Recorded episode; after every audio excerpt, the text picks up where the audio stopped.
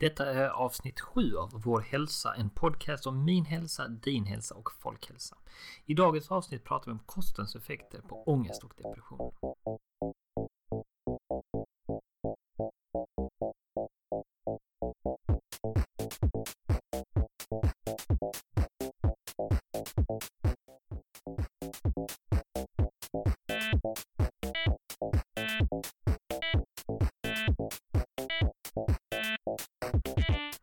Hej alla lyssnare!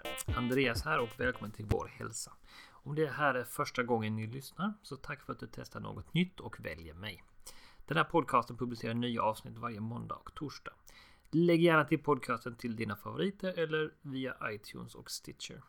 Du kan också följa mig på Facebook, bara sök efter vårhälsa.nu. Dagens inslag sker i samarbete med hälsostil.se, den enda förmedlingen du behöver ha koll på om du söker föreläsare inom livsstil och hälsa. Dagens avsnitt handlar alltså om kopplingen mellan kost och eh, dess påverkan och effekter för ångestdrabbade och depressionsdrabbade. Jag själv är väl vad man skulle kunna säga en ångestpersonlighet. Eh, fick mitt första ångestanfall, ja, kan det vara nu en tio år sedan. Och man kommer ihåg det. Alla som har drabbats av panikångest vet exakt den första tillfället man fick detta. För min del satt jag i en hemglassbil på väg tillbaka till Malmö efter ett mm, hårt pass sommarjobb. Och ehm, ja, jag började närma mig Malmö den här augustidagen och det kom som en blixt från klar himmel. Ehm, panik rent generellt utan anledning, hjärtklappning, trodde jag skulle dö på stället. Jag var nära att stanna mitt på motorvägen och bara hoppa ut och visste inte var jag skulle ta vägen. Och jag minns knappt hur jag tog mig hem till slut. Det här var början på flera år av rätt jobbiga tillfällen där ja, ångesten fick sig bisarra uttryck där jag inte vågade vara hemma själv. Men jag vågade inte heller vara ute. Jag klarade inte alltid av att vara i närheten av människor. Jag kunde inte åka buss. Jag var rädd att jag skulle få någonting. När jag väl fick ett anfall på bussen så skulle jag bara av och då mådde jag bra när jag kom ut en stund men sedan gick det över och då ville jag bara in i bussen för att jag ville komma hem. Jag kunde inte köra i en viss korsning under lång tid för att jag hade fått ett anfall mitt i den korsningen så jag tog omvägar runt den. Och jag blev mer och mer begränsad i livet. Men jag ville ändå inte ta medicin för att jag kände liksom att det här ska man... Alltså jag tyckte att min situation skulle jag borde kunna lösa utan medicin. Och jag hade också märkt att eh, jag hade haft vänner som provat olika typer av mediciner för olika saker och jag tyckte inte liksom att tabletter kändes som någon lösning bara. Så att säga. Jag tyckte att det var liksom, måste finnas någonting mer än bara tabletter som ska lösa detta. Jag började leta efter kunskap och hittade två fantastiska böcker. En bok som heter Panik. Eh, att förstå och behandla av författaren Roger Baker. Och intressanta med Roger Bakers bok är att han faktiskt själv drabbas av panikångest halvvägs genom boken. Så att han får liksom en inblick i vad det faktiskt är han pratar om där. Och så finns det då boken Ångest om orsaken, uttryck och vägen bort ifrån den av Christer Nordlund. Alltså Christer Nordlund. De här böckerna var fantastiska. Eh, jag började själv köra med KBT, alltså kognitiv beteendeterapi. Experimenterade, utmanade mig själv, mådde så dåligt emellanåt så hälften skulle räcka. Men jag var tvungen att pusha mig själv igenom det. Eh, jag jobbade mycket med att inte fly situationer utan att stanna kvar i situationer och eh, lärde mig djupandning och annat för att liksom få ner symptom och reaktioner. Det som någon som inte har drabbats av panikångest eh, och annan ångest vet är ju att det som händer i kroppen är ju man kan säga att det är naturliga reaktioner vid fel tidpunkt vilket gör att det blir lite eh, konflikt i hur man hanterar det så att säga. Va? Får jag hjärtklappning utan att bli jagad av 13 rottweilers utan bara när jag går på stan så tror jag naturligtvis att det är liksom min första rädsla, min första reaktion är liksom att någonting felas mig fysiskt. Eh, I mitt fall så hade jag också ett eh, syndrom eller ett smärttillstånd som kallas Tietzes syndrom. Som är då ett smärttillstånd som är mellan revben och bröstben. Som är liksom en inflammation som kommer och går. Och det gjorde ju att det blev en symbios av vartannat för att det var kallt eller jag det visste jag ju inte då men eh, hade ätit för mycket socker och inflammationen i bröstet Flammade upp. Då blev det liksom att eh, det kunde ju trigga panikångest för sin del. Och det blev liksom bara en bisarr symbios. Det som jag gjorde att jag fick ordning på det och som jag vet också har hjälpt andra var att Dels så började jag titta på hur jag skulle äta. Jag fick stor hjälp av min dåvarande, eller min blivande fru. Ehm, som har utbildning inom coaching och som har jobbat mycket med just det här att förändra beteende. Ehm, men jag började också, precis innan jag träffade henne så började jag också hålla lite koll på hur jag åt.